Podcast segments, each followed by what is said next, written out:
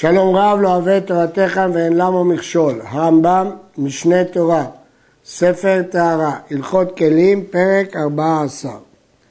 כל המציל בצמיד פתיל באוהל המת, מציל בצמיד פתיל באוויר כלי חרס. כבר למדנו בהלכות טומאת מת, פרק 21, מה מציל בצמיד פתיל. כל מה שמציל באוהל המת, מציל באוויר כלי חרס. אם הציל באמת חמור, דין הוא שיציל בכלי חרס הקהל. למרות שבתורת כהנים לומדים את זה מפסוקים, הרמב"ם לומד את זה מקל וחומר, כי הוא סובר שהפסוקים הם אסמכתא בלבד. וכל שאינו מציל באוהל המת, כגון שהוא נקוב, אז הוא לא מציל באוהל המת, אם הוא נקרב כמוציא רימון, אינו מציל באוויר כלי חרס. וכשם שאין צמיד פתיל לטומאה באוהל המת, כך אין צמיד פתיל לטומאה באוויר כלי חרס. כלומר, התוספתא נאמר, צמיד פתיל ואוהלים מצילים על הטהורים מלהיטמא ואין מצילין על הטמאים מלטמא. כיצד? הרמב"ם ידגים את דבריו. קדרה שהייתה מלאה אוכלין ומשקין ומוקפת צמיד פתיל ונתונה בתנור, בתנור הטמא, הרי הקדרה וכל מה שבתוכה טהורים, כי הצמיד הפתיל שעוטף את האוכלים ומשקין לגמרי, הציל אותם מלהיטמא. זה נקרא שצמיד פתיל מציל באוויר כלי חרס.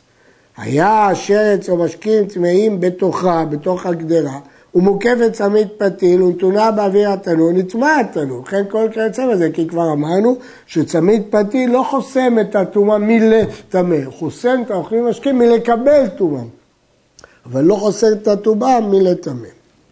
טבעת טמאה שהייתה מובלעת בתוך הלבנה, או מחט טמאה שהייתה מובלעת בתוך העץ, ונפלו לאוויר חרס, נטמע.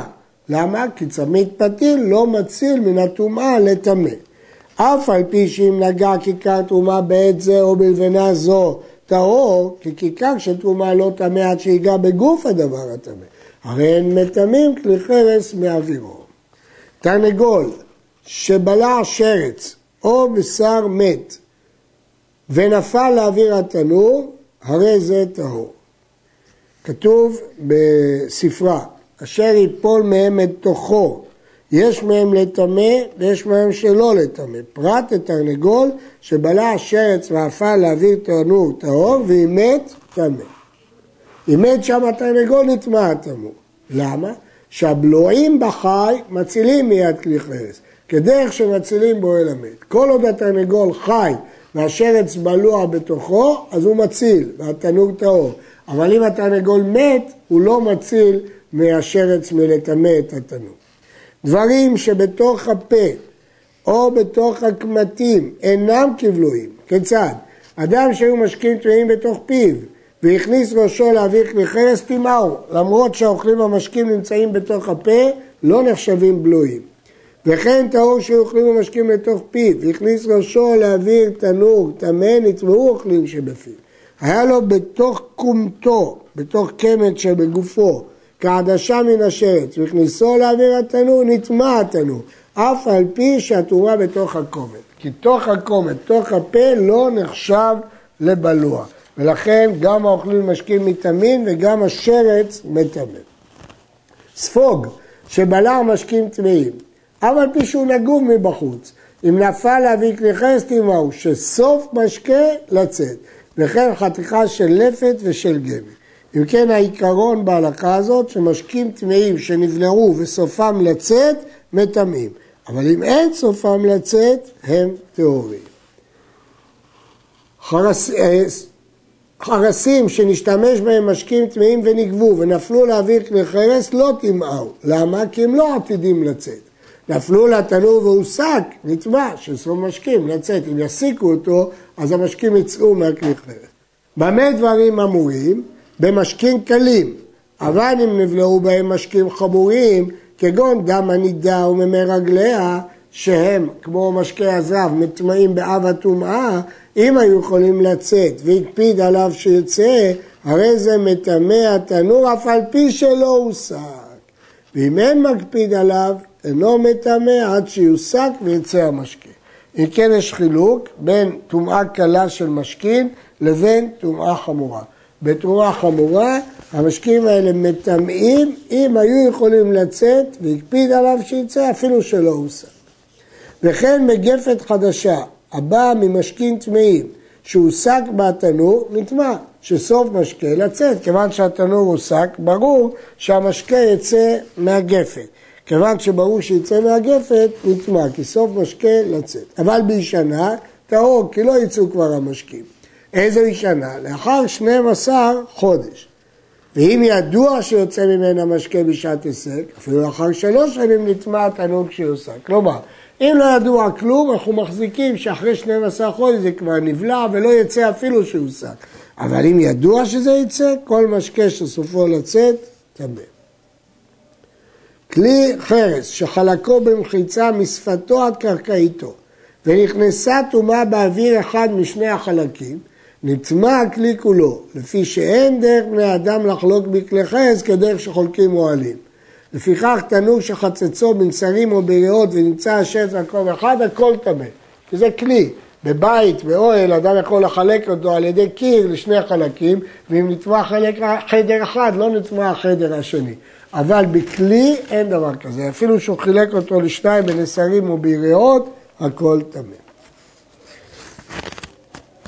כלי שהייתה טומאה בתוכו והכניס הכלי להעביר כלי חרס ושפת הכלי הטמא חוץ לכלי חרס. אף על פי שהטומאה מכוונת בתוך כלי חרס, הרי זה טהור, שנאמר אשר יפול מהם אל תוכו, לא לתוך תוכו. פה השרץ נמצא בכלי הקטן, והכלי הקטן נמצא בתוך הכלי הגדול, ושפתיו יוצאות החוצה. אז למרות שסוף סוף השרץ הוא בתוך הכלי הגדול, אבל זה בתוך תוכו. כיוון שזה בתוך תוכו, אז הוא לא מטמא. וכן אם היה כלי חרס טמא, והכניס לאווירו כלי אחר שיש בו אוכלים ומשקים. ושפת הכלי אחר חוץ לכלי חרס, אף על פי שאוכלים ומשקים מכוונים בתוך כלי חרס הטמא, הרי אלו טהורים, שנאמר כל אשר בתוכו יטמע, לא שבתוך תוכו. כיצד? כוורת, שהיא כלי מרובע, או קופה, קופסה, או קדרה, או חמד וכיוצא בהם, שהיה השרץ בתוכה, ושלשל הקופה לאוויר החבית או לאוויר התנור, אף על פי שהשרץ מכוון בתוך אוויר החבית, הואיל ושפת הקופה רוחמת למעלה משפת החבית והתנור, הרי אלו טהורים כמו שביארנו. ואם היה בתוך החמת או בתוך הגדירה וכיוצא בהם אוכלים או משקים ושישאר אותם לאוויר התנור או החבית הטמאים, הרי הם טהורים כמו שביארנו כי השוליים בחוץ. הייתה הכוורת או הקופה רוחמת וכיוצא בהם נקובים, אינן מצילים, כי הם נקובים. אלא אם היה השרץ לתוכם ושישאל אותם להביא כלי חרס הטהור, נטמע בגלל הנקב. ואם היו אוכלים או משקים לתוכם שישל אותם להביא כלי חרס הטמא, נטמעו בגלל הנקב, הם לא מצילים. כמה יהיה הנקב כדי שהכלי לא יציל? אם היה בכלי שטף, כלי שטף זה כלי שמטבילים אותו במקווה, זה נקרא כלי שטף. במוציא זיתים, גודל הנקב זה במוציא זיתים. ואם היה בכלי חרס, העשוי לאוכלים שורו בזיתים, העשוי למשקים שורו בכונס משקה, שאם תשים אותו במים, ייכנסו מהמים דרך הנקב. העשוי לכך ולכך, משתמשים בו גם לאכילה וגם לשתייה, מטילים אותו לחומרו. מי שינקב כלי זה בכונס משקה, אינו מציל מיד כלי חרס. הרייבד משיג, זה ההפרש, כלומר החילוק הזה לא נמצא בשום מקום לעניין צמיד פתיל. הוא לא שמע את ההבדל הזה אה, בין כלי חייס לבין כלי שטף לעניין צמיד פתיל. אמרנו שהנקב הוא במוציא זיתים. ערוך השולחן שואל, הרי הרמב"ם בפרק ו' הלכה ב' פסק ששיעור הנקב במוציא רימון. מדוע פה החמיר ופסק שאינו חוצץ כבר בשיעור של מוציא זיתים. והסיבה שהוא אומר שפסקנו ששיעור נקב הוא במוציא רימון, שהוא שאפילו מקו כזית עדיין ראוי ליתן לו רימונים. אבל הוא פסק כך רק לחומרה ולא לכולם. סתם נקב כלי חרס בזפת. אם היה שרץ בכלי זב שלשלו להעביר התנור הטהור, נטמע. שאין הצמיד מציל, התואמיל טמא, כמו שביארנו. אפילו שהסתימה הזאת מצוינת, הרי צמיד פתיל לא מציל מטומאה לטמא. אבל אם היה בכלי זה אוכלים ומשקים, הוא היה נקוב וסתם אותו טוב, ושלשלו להעביר התנור הטמא, הם טהורים, שהרי נקב סתום, כיוון שהוא סתם אותו בזפת, כאילו אין בו נקב. ושאר כל הכלים שסתמם בזפת וכיוצא בו, אינו מציל מיד כלי חרס. כלומר, דווקא, דווקא בכלי חרס הזפת היא סתימה מעולה, אבל בשאר הכלים, סתימת זפת אי אפשר לסתום. אבל הרייבד חולק וסובר שסתימת זפת נחשבת סתימה בכל הכלים, בין כלי חרס בין כלי שטף. כוורת פחותה, אף על פי שסתם הפחת בקש, סתם את הפחת, אינה מצלת מיד כלי חרס, שהרי אינה כלי. הרמב"ם בפירוש המשנה מסביר, אין הסתימה של קש נחשבת סתימה, ולכן הוא לא חוצץ מהתנור, וכל מה שבתוכה כאילו באוויר התנור.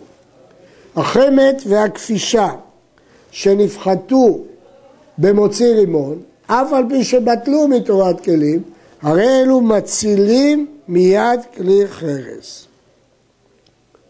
והוא שיהיה הפחת למעלה משפת כלי חרס מבחוץ, ויהיה בית קיבול שלהם משולשל לתוך כלי חרס. כיוון שהפחת הוא למעלה, הוא לא מפריע לכלי להיות כלי שלם, השבר העליון כאילו הוא חתוך, ואז יש לי כלי שלם. ולכן, מה שנמצא בתוך כלי החרס, יש לו שיעור כלי, ולכן דינו ככלי רגיל והם יכולים להציל. אור פשוט וכיוצא בו, פשוט הכוונה שטוח, שהיה שוקע להעביר כלי חרס ולהעביר התנור, כלומר בגלל שהכנסנו אותו לתנור נוצר בו מעין שקע, מעין כלי קיבול, והשרץ בתוך האור, הרי התנור טמא, כי לא מחשיבים את זה לכלי קיבול, זה כאילו שטוח, רק שיש בו שקע. ואם השרץ בתנור אוכלים משקים בתוך האור טמאים, שאין מציל מיד כחרס, הכלים שיש להם תור, כגון הסל והקופה והחמת, ולא שקע זמני של עור. כלי חרס שהייתה טומאה בתוכו, והיה כלי חרס טהור כפוי על פי הכלי הטמא, או שהיה כלי שהטומאה דבוקה בתוכו כפוי על פי הכלי הטהור, אף על פי שהאוויר שניהם מעורב, הטמא בטומאתו והטהור בטהרתו, שהרי לא נכנסה הטומאה עצמה להביא כלי חרס הטהור, יש פה שני כלים, אמנם אה, כפיתי אחד על השני, אבל כל כלי הוא נחשב כלי בפני עצמו. לפיכך, חבית שהייתה מלאה משקיעים טהורים ונתונה למטה מנחושתו של תנור, ונפל שרץ לתוך התנור, הרי החבית והמשקים טהורים, אף על פי שאוויר התנור מעורב עם אוויר החבית. וכן אם הייתה חבית כפויה על פי התנור, ופיה לאוויר התנור, אפילו המשקה שבשולי החבית טהור, כל הסיבה מפני שאין קשר בין שני הכלים. לכן המשנה אומרת, משקה תופח שבשולי החבית טהור. עד כאן.